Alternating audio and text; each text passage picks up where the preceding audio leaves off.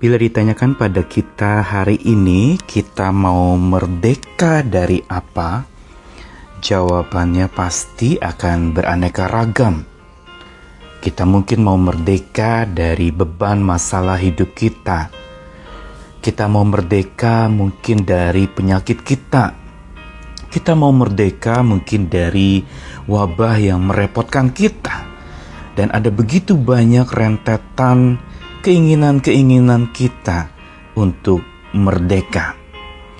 Ada pula mungkin yang ingin merdeka dari beban ekonomi yang saat ini sedang mengalami berbagai macam pergumulan yang berat, penurunan yang drastis dan cukup mengkhawatirkan.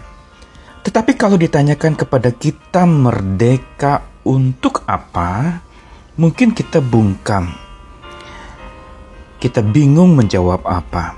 Karena pada dasarnya kalau kita bicara soal merdeka, kita jarang berpikir tindak lanjutnya. Kita hanya memikirkan bagaimana supaya saya merdeka daripada apa yang harus saya lakukan setelah merdeka.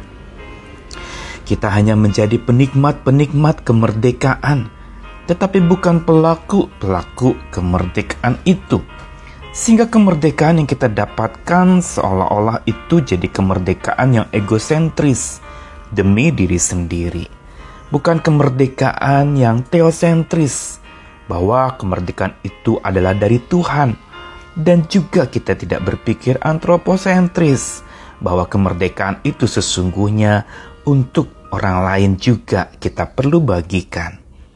Karena orang yang benar-benar merdeka adalah orang yang mampu memerdekakan sesamanya.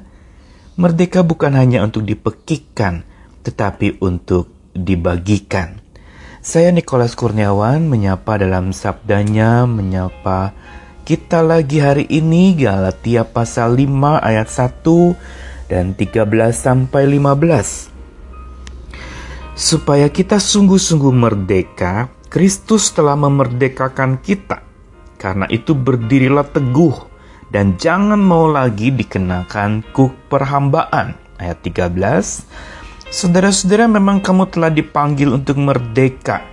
Tapi janganlah kamu mempergunakan kemerdekaan itu sebagai kesempatan untuk kehidupan dalam dosa.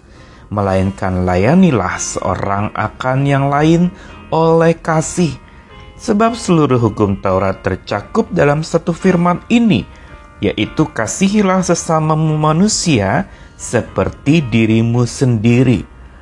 Tetapi jikalau kamu saling menggigit dan saling menelan, awaslah supaya jangan kamu saling membinasakan.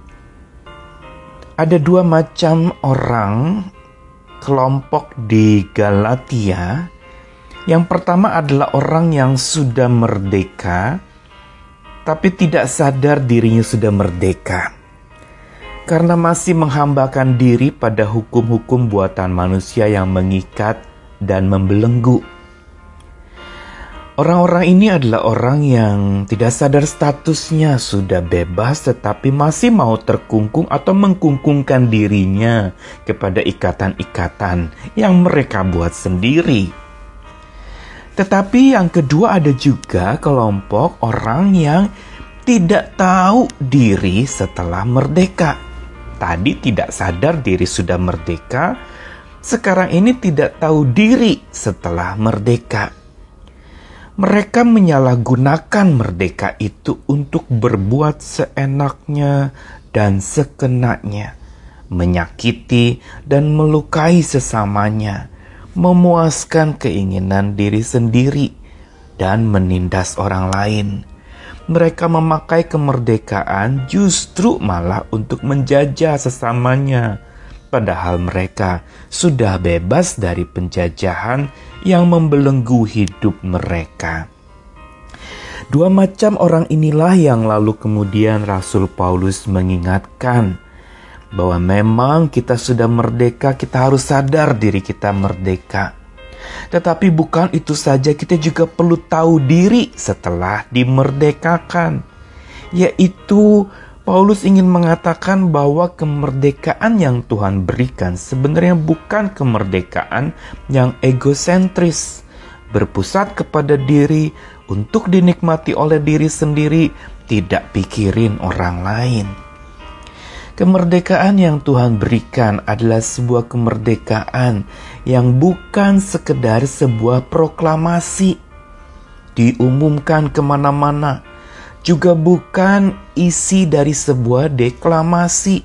Dipuisikan, dibacakan, dan dengan syair yang indah didramatisirkan luar biasa atau juga kemerdekaan bukan materi pembuat deklarasi semata, hanya untuk catatan-catatan, lalu menyatakan sebuah deklarasi bersama untuk kesepakatan, dan lalu dipublikasikan. Tetapi kemerdekaan yang Tuhan berikan sesungguhnya melampaui proklamasi, deklamasi, dan deklarasi. Kemerdekaan yang Tuhan anugerahkan adalah justru untuk kita berdedikasi, mendedikasikan hidup kita untuk mengasihi Tuhan dan sesama kita, mendedikasikan diri kita untuk berbuat kasih dengan begitu merdeka kepada semua orang dengan berbagai macam lapisan yang ada. Tidak pilih kasih kepada kelompok tertentu yang kita suka, tapi kepada begitu banyak kelompok orang-orang yang membutuhkan kasih itu. Begitu pula dedikasi yang kita tujukan itu adalah sebuah dedikasi yang berdasarkan kasih, yang peduli kepada orang lain, yang mau care kepada sesama kita. Inilah yang menyebabkan kita menjadi pribadi-pribadi yang bukan saja sadar dirinya sudah merdeka, tapi tahu diri setelah merdeka, yaitu melayani lebih lagi, mengasihi lebih luas lagi, berbuat dan melakukan banyak cara dalam kemerdekaan kita untuk supaya kasih Tuhan dan kemerdekaan yang Tuhan berikan juga dialami oleh orang lain, mengalami kasih yang memerdekakan mereka. Selamat berbuat kasih lagi, selamat berdedikasi lagi di dalam kemerdekaan yang Tuhan sudah anugerahkan. Salam kasih dan merdeka, Tuhan mengasihi kita. Amin.